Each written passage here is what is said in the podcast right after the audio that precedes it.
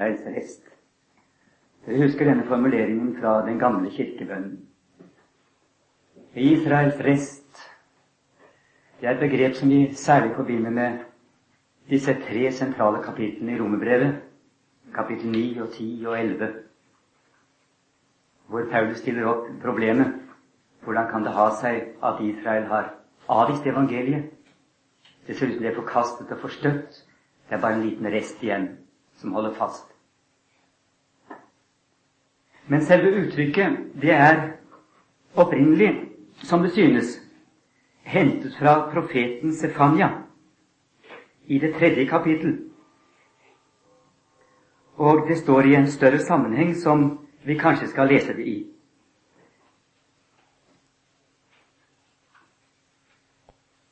Vi kan lese fra vers 8 i Sefania, det tredje kapittel. Derfor, bli på meg, sier Herren, på den dag jeg reiser meg for å ta hærfang. For min dom er at jeg samler hedningefolk, sanker riker sammen, utøser min harme over dem, all min brennende vrede. For ved min nidkjærhetsild skal hele jorden bli fortæret. For da vil jeg gi folkene nye, rene lever, så de påkaller Herrens navn og tjener Ham med ett sinn. Fra landet bortenfor Etiopias elver skal de føre mine tilbedere, mitt spredte folk, som offergave til meg. På den dag skal du ikke mere skamme deg over alle de gjerninger hvormed du forbrøt deg mot meg. For da vil jeg rydde bort hos deg dem som jubler så stolt i din midte, og du skal ikke mer opphøye deg selv på mitt hellige berg. Men jeg vil levne hos deg et bøyet og ringe folk, og de skal ta sin tilflukt til Herrens navn.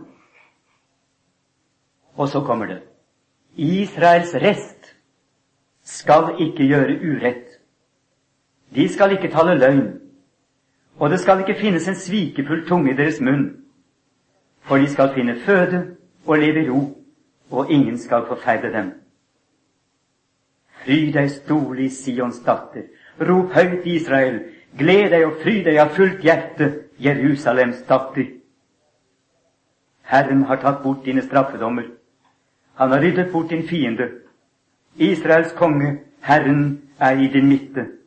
Du skal ikke mer se noe ondt. På den dag skal det sies til Jerusalem, frykt ikke, Sion, la ikke dine hender synke. Herren din Gud er i din midte, en kjempe som frelser. Han fryder seg over deg med glede, han tier i sin kjærlighet, han jubler over deg med fryderop. Dette er det løftet som er knyttet til, og som er lovet, Israels rest. Og hva er dette for en rest? Vi møter den igjen mange steder hos profetene, men ikke alltid under denne klare betegnelsen Israels vest. Sjørit Israel. Jeg tror vi skal begynne faktisk alt nesten helt i begynnelsen og tale om, om resten og Da må vi slå fast at dette med å levne en rest av en større helhet, og konsentrere alt om denne resten, både frelsen og nåden og alt sammen, fremtiden, om en rest, det er et, typisk trekk ved Herren vår Gud. Vi kan tenke på vår egen situasjon akkurat her vi sitter nå, sammen med alle andre mennesker på denne kloden de stammer egentlig alle sammen fra en ørliten rest. En liten gruppe mennesker som ble revet ut av dommen fordi Gud hadde andre planer med dem.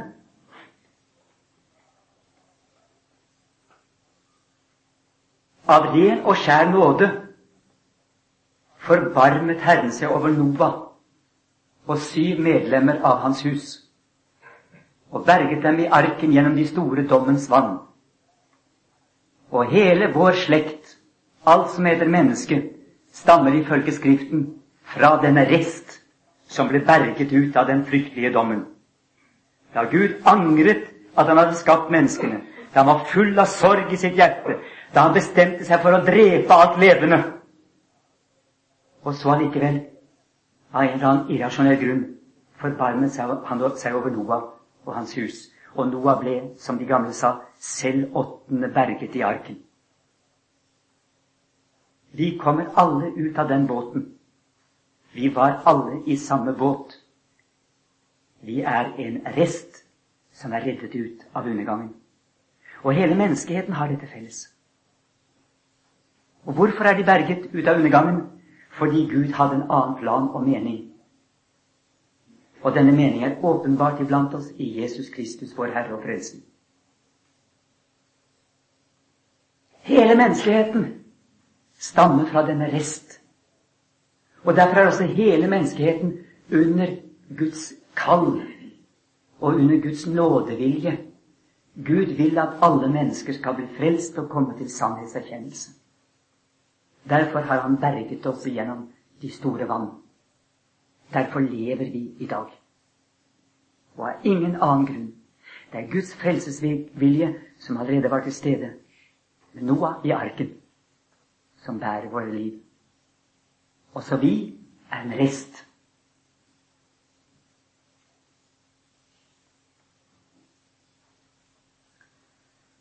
Eller vi kan tenke på den menneskehet som ble spredt ut fra Babel, den babelske forvirring. Spredte de seg utover hele jorden, og så var det én som ble utvalgt. Abraham i Uri Kaldea.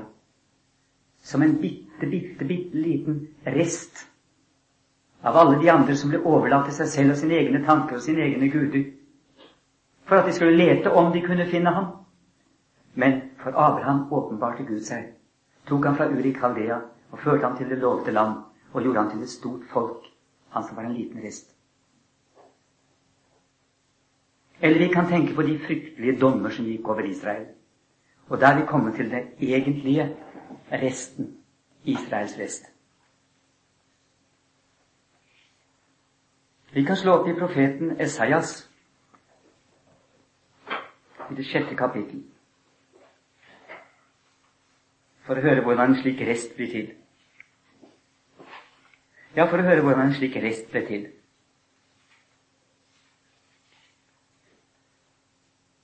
I det år kong Messias døde, så jeg Herren sitte på en høy og opphøyet trone, og slep av hans kåpe oppfylte tempelet.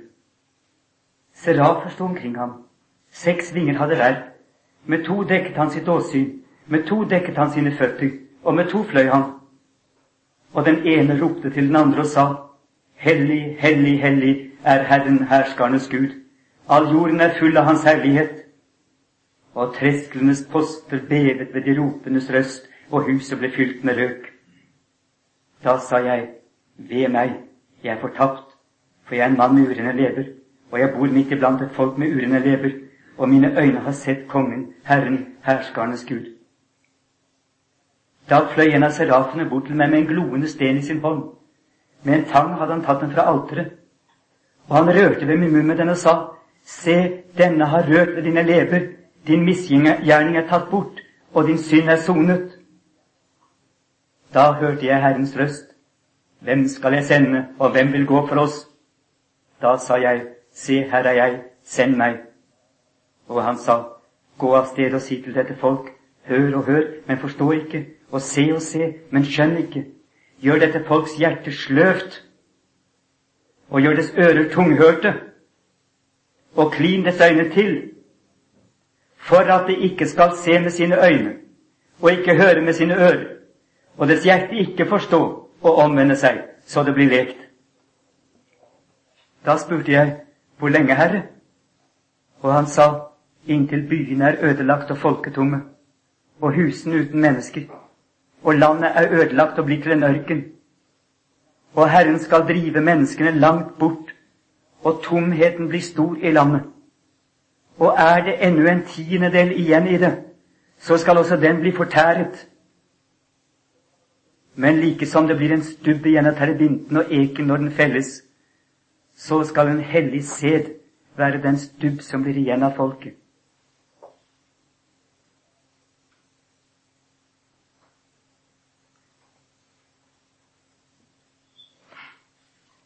Disse store predikanter, profetene, Esaias, Jeremias, Esekiel og alle de mindre, de har det til felles at de aldri lykkedes.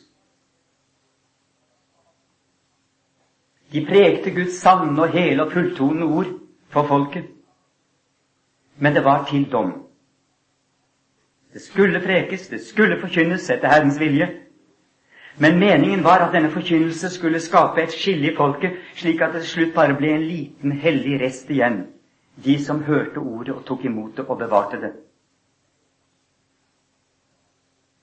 Men for alle de øvrige så skulle prekenen faktisk talt føre til forherdelse, til avvisning, til blending, til døving.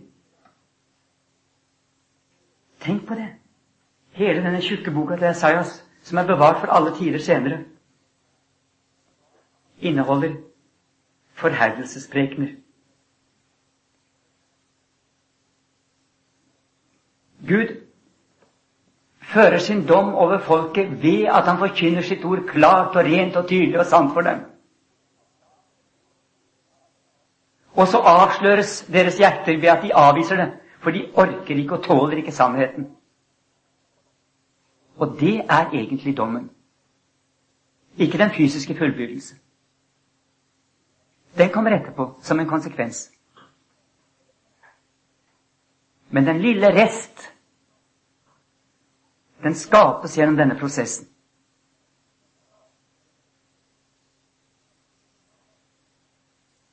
Slik er det også hos Jeremias. Slik er det også hos Esekiel. De skal ikke høre på deg, sier Gud Herren. Men når det skjer, så skal de skjønne at en profet har vært iblant dem.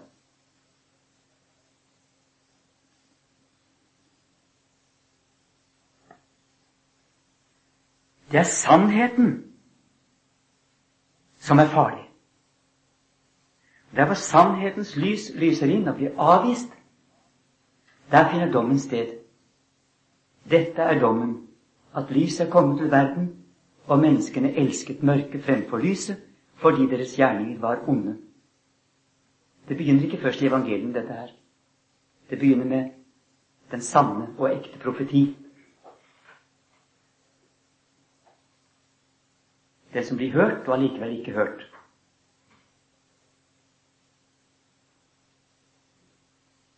Men så kommer altså løftet om at dette skal føre til at en hellig sæd blir igjen som en stubb i folk.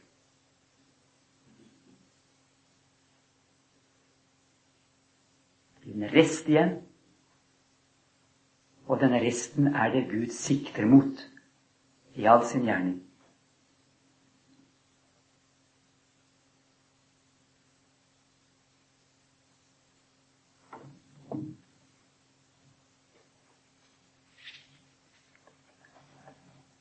I Jesaja 10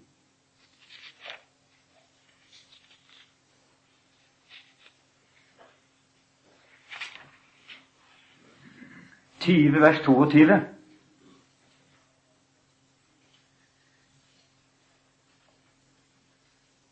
går han nærmere inn på dette med levningen eller resten. Sjar eller sjørit. Og her, her går denne, dette ordet sjar gjennom som, en, som, et, som et gjennomgangstema i noen vers. Vi kan lese fra vers 20. På den tid skal levningen av Israel, eller resten av Israel, og de unnkomne av Jakobs hus, ikke mer bli ved å stole på Ham som slo det, men de skal trofast stole på Herren Israels hellige. En levning skal omvende seg, en rest skal omvende seg. Levningen, resten av Jakob, til Gud den veldige. For om ditt folk Israel er som havets sand, skal bare en levning, en rest av det, omvende seg. Tilintetgjørelse er fast besluttet. En flom av rettferdighet.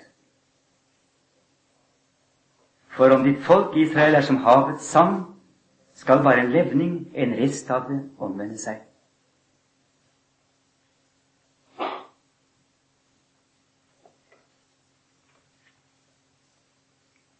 Og i, vers, i kapittel 28, vers 3, bare for å ta noen ganske få eksempler hvor rest levning er brukt.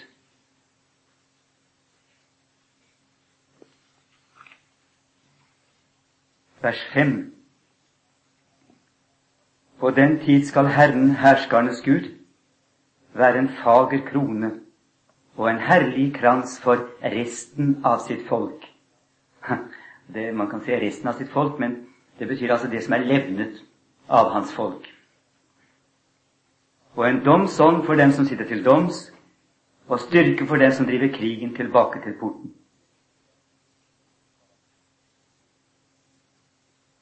Men hele tiden dreier det seg altså om en rest.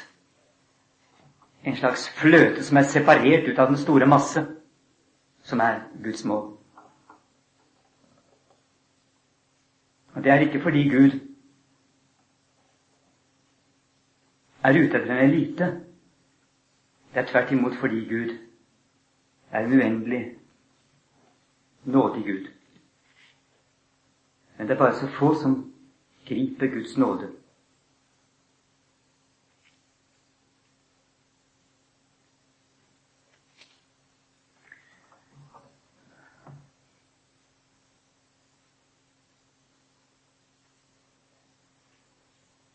Jeg har tenkt mye på situasjonen da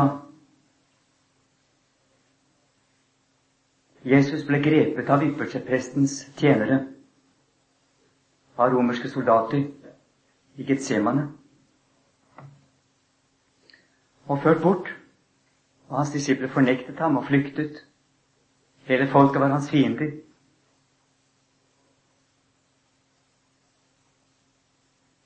Da var resten uendelig liten. Ja, Man kan nesten si at resten var redusert til en eneste person, og det var ham selv.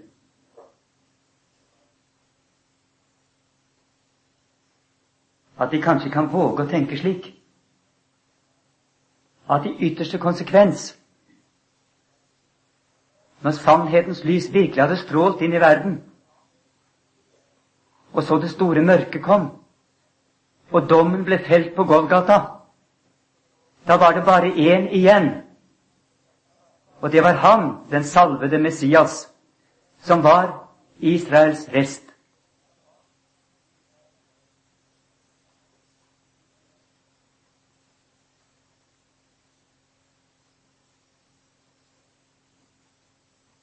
I hvert fall er det sikkert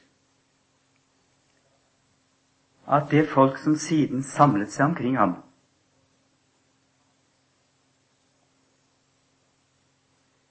Det er det som er den rest som Gud så frem imot gjennom hele sin frelseshistorie. Kan ikke være mulig at vi skal få stå det på noen annen måte. På pinsedag da står folket totalt avslørt fordi de har myrdet og henrettet sin Herre og Messias. Det stikker dem i hjertet. De står der som et bøyet og ydmyket folk, og de legges til menigheten. De legges til Israels menighet. 3000. Og det er Den hellige rest den nye pakts folk.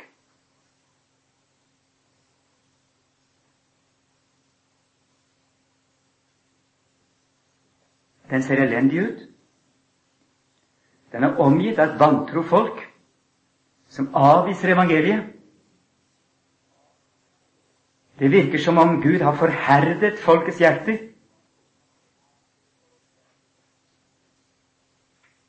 Stefanus blir drept. I synagogene blir Jakob og blir, blir, Paulus og Silas og Barnabas jaget ut oftere og oftere. Forkynnelsen skaper forherdelse. Paulus er fortvilet, for han syns han ser mønsteret en gang til. Er det mulig at det som skjedde under profeten Esaias og Jeremias og Esekiel, skal skje enda en gang? Har Gud virkelig forkastet sitt folk? Skal dette bare føre til forbannelse og fordømmelse over folket, dette evangeliet som han forkynner? Er det slik? Han må venne seg til hedningene. Der ble han tatt imot med glede. Hedningene ble lagt til menigheten. Det blir flere og flere av dem. Men det stopper helt opp med Israels folk. Og så stiller han da spørsmålet som han stiller flere ganger i Romerbrevet 9 og 10 og 11. Har da Gud forkastet sitt folk? Er det virkelig slik? Er det, er det slutten på det hele? Eller, eller er det en omvei? Er det en omvei? På samme måten som at Gud har gått så mange omveier før i Skriften og i historien, så kan dette også være en omvei. Han har en dypere og videre hensikt med det enn bare dette at, at de vantro skal skalles av, og de få troende skal samles inn. Han har ikke glemt sitt folk. Han har fremdeles store planer med sitt folk. Men først så går han en omvei om hedningene. Og han sier det rett ut. Han gjør det for å egge dem til nidkjærhet. Dette ordet nidkjærhet det betyr jo ikke noe annet enn sjalusi. Altså Nå vil han vise først sin store kjærlighet på hedningene. Vende seg til dem og elske dem. Ta dem inn i favnen. Øse sin kjærlighet og tilgivelse utover dem. Og Israels folk skal få se resultatene. Det vokser frem et Guds folk. Et folk som tror på Abraham og Isaks og Jakobs Gud. Det vokser frem et slikt folk av hedninger. Det er jo ikke til å tåle. Det kan ikke være rett.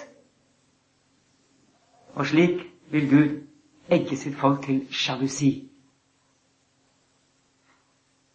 Mener Paulus. Det må, er det som må være meningen.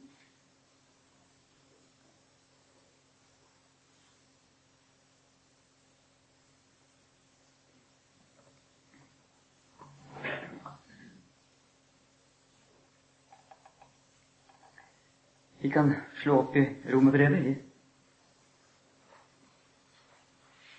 det niende kapittel.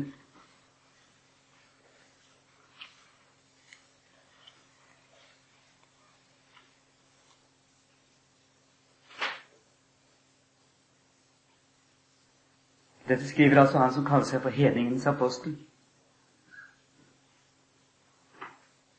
Han som føler på en måte at han har blitt jaget bort fra sitt folk for å preke for det man egentlig ikke hadde tenkt å preke for. Jeg sier sannhet i Kristus, jeg lyver ikke. Min samvittighet vitner med meg Den hellige ånd at jeg har en stor sorg og en uavlatelig gremmelse i mitt hjerte. For jeg ville ønske at jeg selv var forbannet bort fra Kristus for mine brødre, mine frender etter kjødet de som er israelitter, de som barnekår og herligheten og pakten og lovgivningen og gudstjenesten og løftene tilhører, de som fedrene tilhører, og som Kristus er kommet fra etter kjødet, Han som er Gud over alle ting, velsignet i evighet. Amen. Dog ikke som om Guds ord har slått feil. For ikke alle som er av Israels ett, er derfor Israel. Heller ikke alle fordi de er Abrahams ett er derfor hans barn. Men i Isak skal det nevnes deg en ett. Det er ikke kjødets barn er Guds barn, men løftets barn regnes til etten. For et løftesord er dette, ved denne tid vil jeg komme, og da skal Sara ha en sønn. Legg merke til hvordan Paulus tenker her. Han ser for seg hele Israel, og han er han er full av sorg fordi at så store deler av Israel avviser evangeliet. Og samtidig så må han trekke inn. For det er jo ikke slik at det er dette svære, kjødelige Israel som er det egentlige Israel, sier han. Og det må jeg bare ta til meg selv, for jeg har jo, jeg har jo skrevet i Galaterbrevet. I Galaterbrevet har jeg jo sagt klart ut hva det sanne Israel egentlig er. det er de som har Abrahams tro. Det er de som er Abrahams rette barn. Og det er de som er den frie kvinne Saras barn. Dette skriver til galaterne, som slett ikke bare er jøder. Vi kan se Galaterbrevet i det tredje kapittel. Galaterbrevet. Og se hvordan det tredje kapittel slutter bare. Det er ganske greit. Han har en lang argumentasjonslinje som noen av oss vil synes er veldig rar og underlig. Men han er overbevist om at denne argumentasjonslinjen, den holder. Og han sier på slutten av det tredje kapittelet, etter en lang argumentasjonslinje, vers 29, men hører i Kristus til, da er de jo Abrahams ett, arvinger etter løftet. Og han sier etter det fjerde kapittel, etter en lang argumentasjonslinje, vers 31, derfor, brødre, er vi ikke trellkvinnens barn, men den frie kvinnes.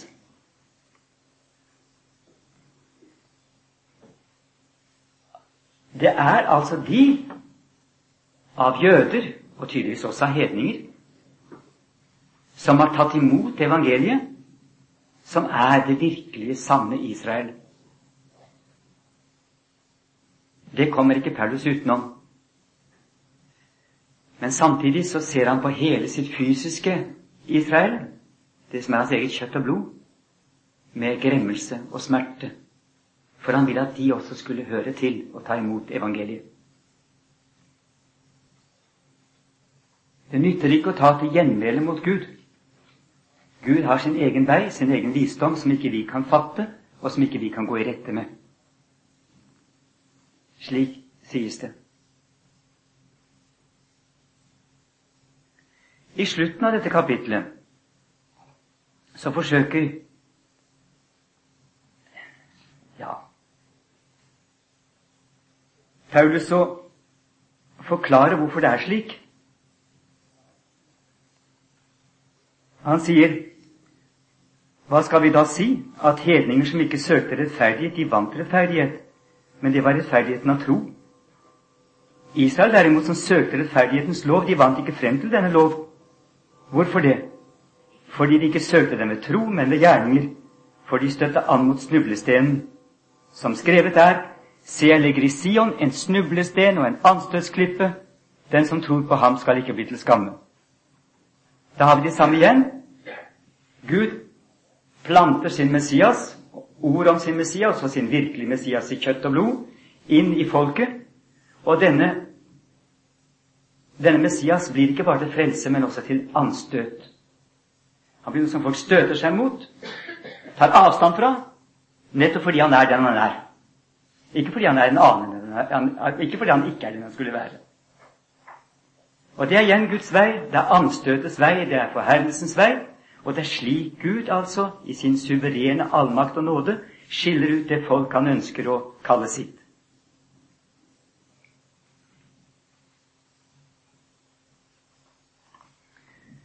I det tiende kapittel så går Paulus videre på den samme argumentasjonen. Taler om troens ord som er blitt lagt ned i våre hjerter, som noen har tatt imot, og noen avviser.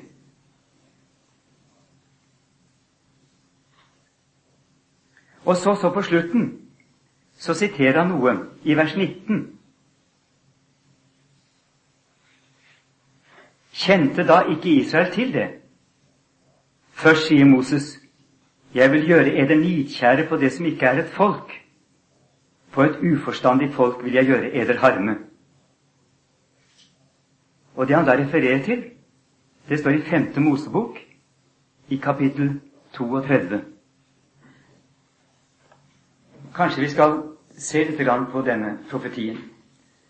Det er nemlig en sang som Moses har fått beskjed om å legge i folkets munn til et evig vitnesbyrd mot dem.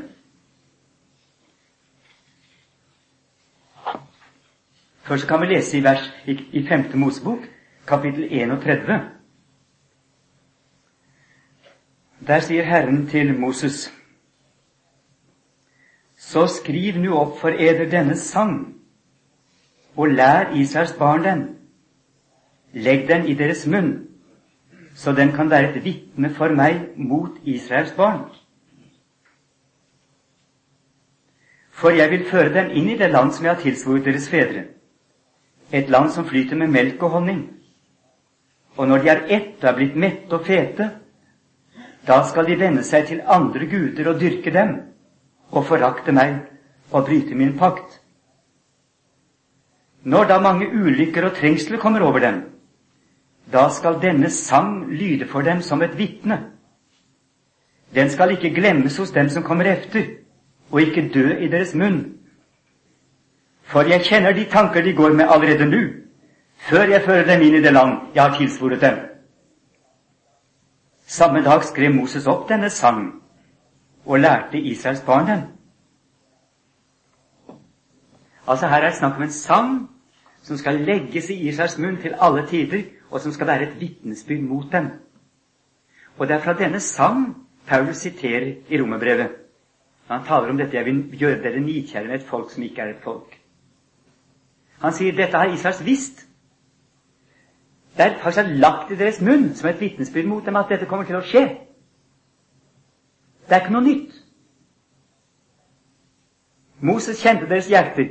Gud kjente deres hjerter og ba Moses legge disse ord i deres munn til et vitnesbyrd mot dem. Så sier også Moses i vers 29 i, kapittel 31 Jeg vet at etter min død skal de få derved eders vei, og vike av fra den vei jeg befalt eder å vandre, og ulykken skal komme over eder i de siste dager, fordi de gjør det som er ondt der i Herrens øyne, og egger ham til vrede med eders henders verk. Deretter fremsa Moses denne sang fra begynnelsen til enden for hele Israels menighet. Det er en lang sang.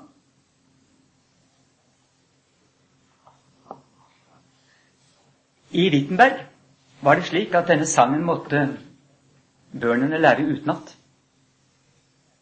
De sang den ved enkle gudstjenester i, i Wittenberg.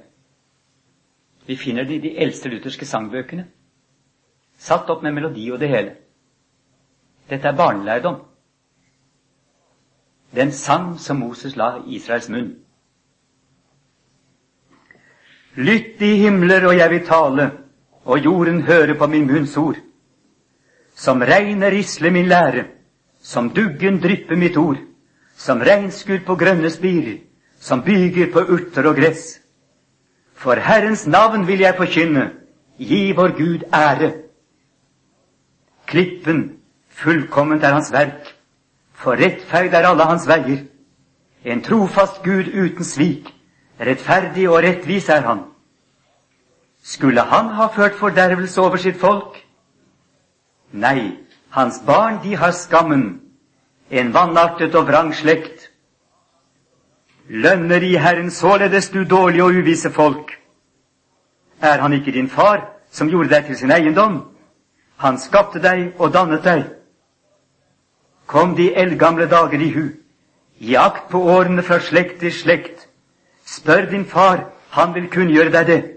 Dine gamle, de vil si deg det da den høyeste ga folkene arv. Da han skilte menneskenes barn, satte han folkenes landemerker etter tallet på Israels barn. For Herrens del er hans folk, Jakob er hans arvelodd. Han fant ham i et øde land, i villmarken, blant ørkenens hyl. Han vernet om ham, han våket over ham, han voktet ham som sin øyesten. Som ørnen vekker sitt rede og svever over sine unger, Således bredte han ut sine vinger, tok ham opp og bar ham på sine slagfjær. Det var Herren alene som førte ham, og ingen fremmed Gud var med ham. Og så kommer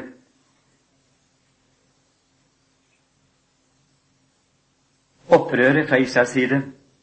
Klippen ditt opp har enset du ikke, du glemte Gud, han som fødte deg. Og så går det videre til avgudene. Så kommer vi til vers 21. De vakte min nidkjærhet ved det som ikke er Gud. De vakte min harme ved sine tomme avguder. Også jeg vil vekke deres nidkjærhet ved det som ikke er et folk. Ved et uforstandig folk vil jeg vekke deres harme. Det er helt klart at det er dette Gud taler om. Det er ikke bare en tolkning fra Paulus' side. De har vakt Herrens sjalusi ved guder som ikke er guder, andre guder. Han vil vekke deres sjalusi til gjengjeld ved et folk, et annet folk. Og det lover han dem helt tydelig i den sang som Moses har lagt i deres munn. Det er en helt tydelig og umotsigelig profeti om at Gud vil handle slik. Er Israel troløs mot ham, er han troløs mot Israel og søker seg et annet folk. Et folk som ikke er et folk, men som blir et folk. Av alle slekter og tunger og stammer. Et uforstandig folk, for de har ikke loven. Og Gud fortsetter. For en ild er opptent i min vrede og brenner til dypeste dødsrike. Den fortærer landet og dets grøde og setter fjellenes grunnvoller i brann. Jeg vil samle ulykker over dem. Alle de piler jeg har, vil jeg bruke mot dem. De skal utsuges av sult og fortæres av brennende feber og giftig sott. Villdyrs tann vil jeg sende imot dem, og edder av ormen som kryper i støvet. Ute skal sverdet, inne i kamrene, redsel bortrive både unge menn og jomfruer, det diende barn og den gråhårede mann.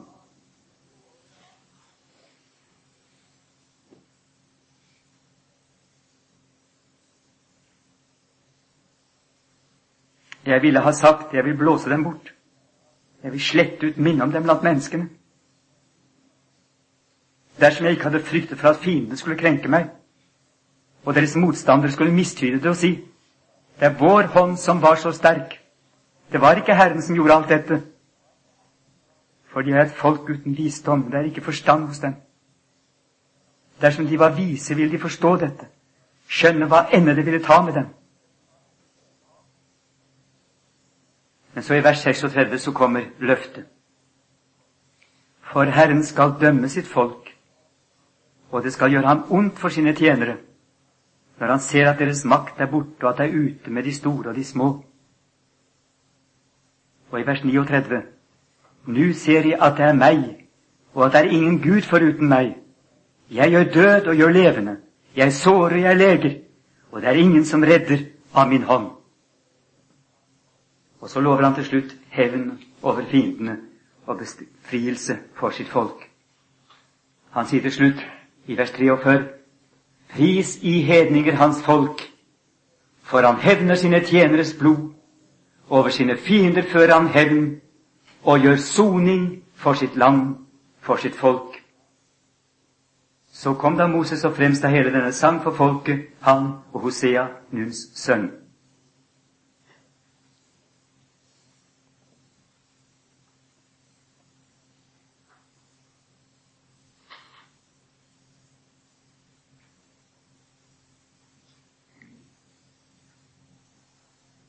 Denne sang har vel vært i Israels munn til denne dag. Ikke vet jeg hvordan, den blir brukt, men de kjenner den. Og når vi hører den, så kan vi ikke unngå å tenke på forferdelige ting som ikke engang Paulus kjente, som f.eks. holocaust. Alle de forfølgelser Israels folk har blitt utsatt for. Hvordan de har blitt overgitt i menneskenes hender, som om Gud hadde forkastet dem og glemt dem. Men det er allikevel bare et kapittel i denne sang. Det fører frem imot frelsen. Gud har en annen mening også med det store folket når han først har ført dem gjennom dødsskyggens dal. Og det er det som også Paulus konkluderer med i Romerbrevet 9 og 10 og 11.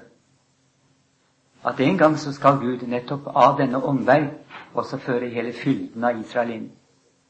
De skal ikke alltid bli i sin forherdelse. De blir bare i sin forherdelse så lenge til at hedningenes fylde er samlet inn. Og så, så skal det skje.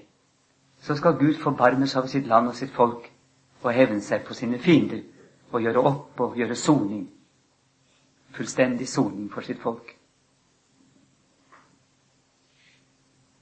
Paulus refererer også til mange, mange andre profetier, men jeg syns dette er en veldig enkel løsning og en enkel nøkkel til, til disse kapitlene, egentlig. Det viser at Det er ikke bare noe som Paulus har diktet opp, men det er et løfte og en trussel som Israel har fått lagt i sin munn og sitt hjerte. Slik skal det virkelig gå. Jeg syns det er særlig sterkt dette med at Gud virkelig helt konkret, som en oppfyllelse av denne sang, har vendt seg til oss. Og tatt oss inn i fellesskapet. Gitt oss del i løftene med, paktene med deres løfter, som det står i Efesbrevet 2. Åpnet for adgangen til å bli grener på roten. Inkludert oss i menigheten, og det er bare én menighet.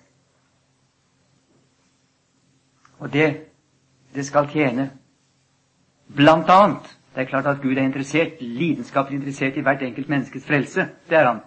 Men det skal også tjene til å vekke Isak til nidkjærhet. Før eller siden skal det skje. Allerede nå så har Gud også en rest av Israels folk. Det har han i de messianske menigheter, og det har Gud alltid hatt i den kristne menighet. Og hvor mange av oss ikke, har ikke egentlig jødisk blod i våre år? Når vi tenker på den veldige assimilasjonen som foregikk allerede i Oldkirken. Da store mengder av nettopp av Israels menighet ble oppsuget i de menigheter som etter hvert ble mer og mer hedenkristelige, og forsvant faktisk alt i denne store masse. Men jeg vet ikke hvordan vi skal regne det. Men hele tiden så har det vært også en rest av Israelsfolket i denne store hedenske kristenhet, som har delt deres tro og bekjennelse. Og de er der i dag i Israel, selv om ikke de er mange. De er virkelig en rest, en promille. Kjære Far i himmelen. Dine tanker er så dype, ditt hjerte er så vidt og så stort, og din harme er så ekte at vi kan ikke følge deg inn i dette. Vi viker tilbake. For det er noe forskrekkelig. Det er som du sier, Herre, at en ild er opptent i din vrede, og den brenner til det dypeste dødsriket.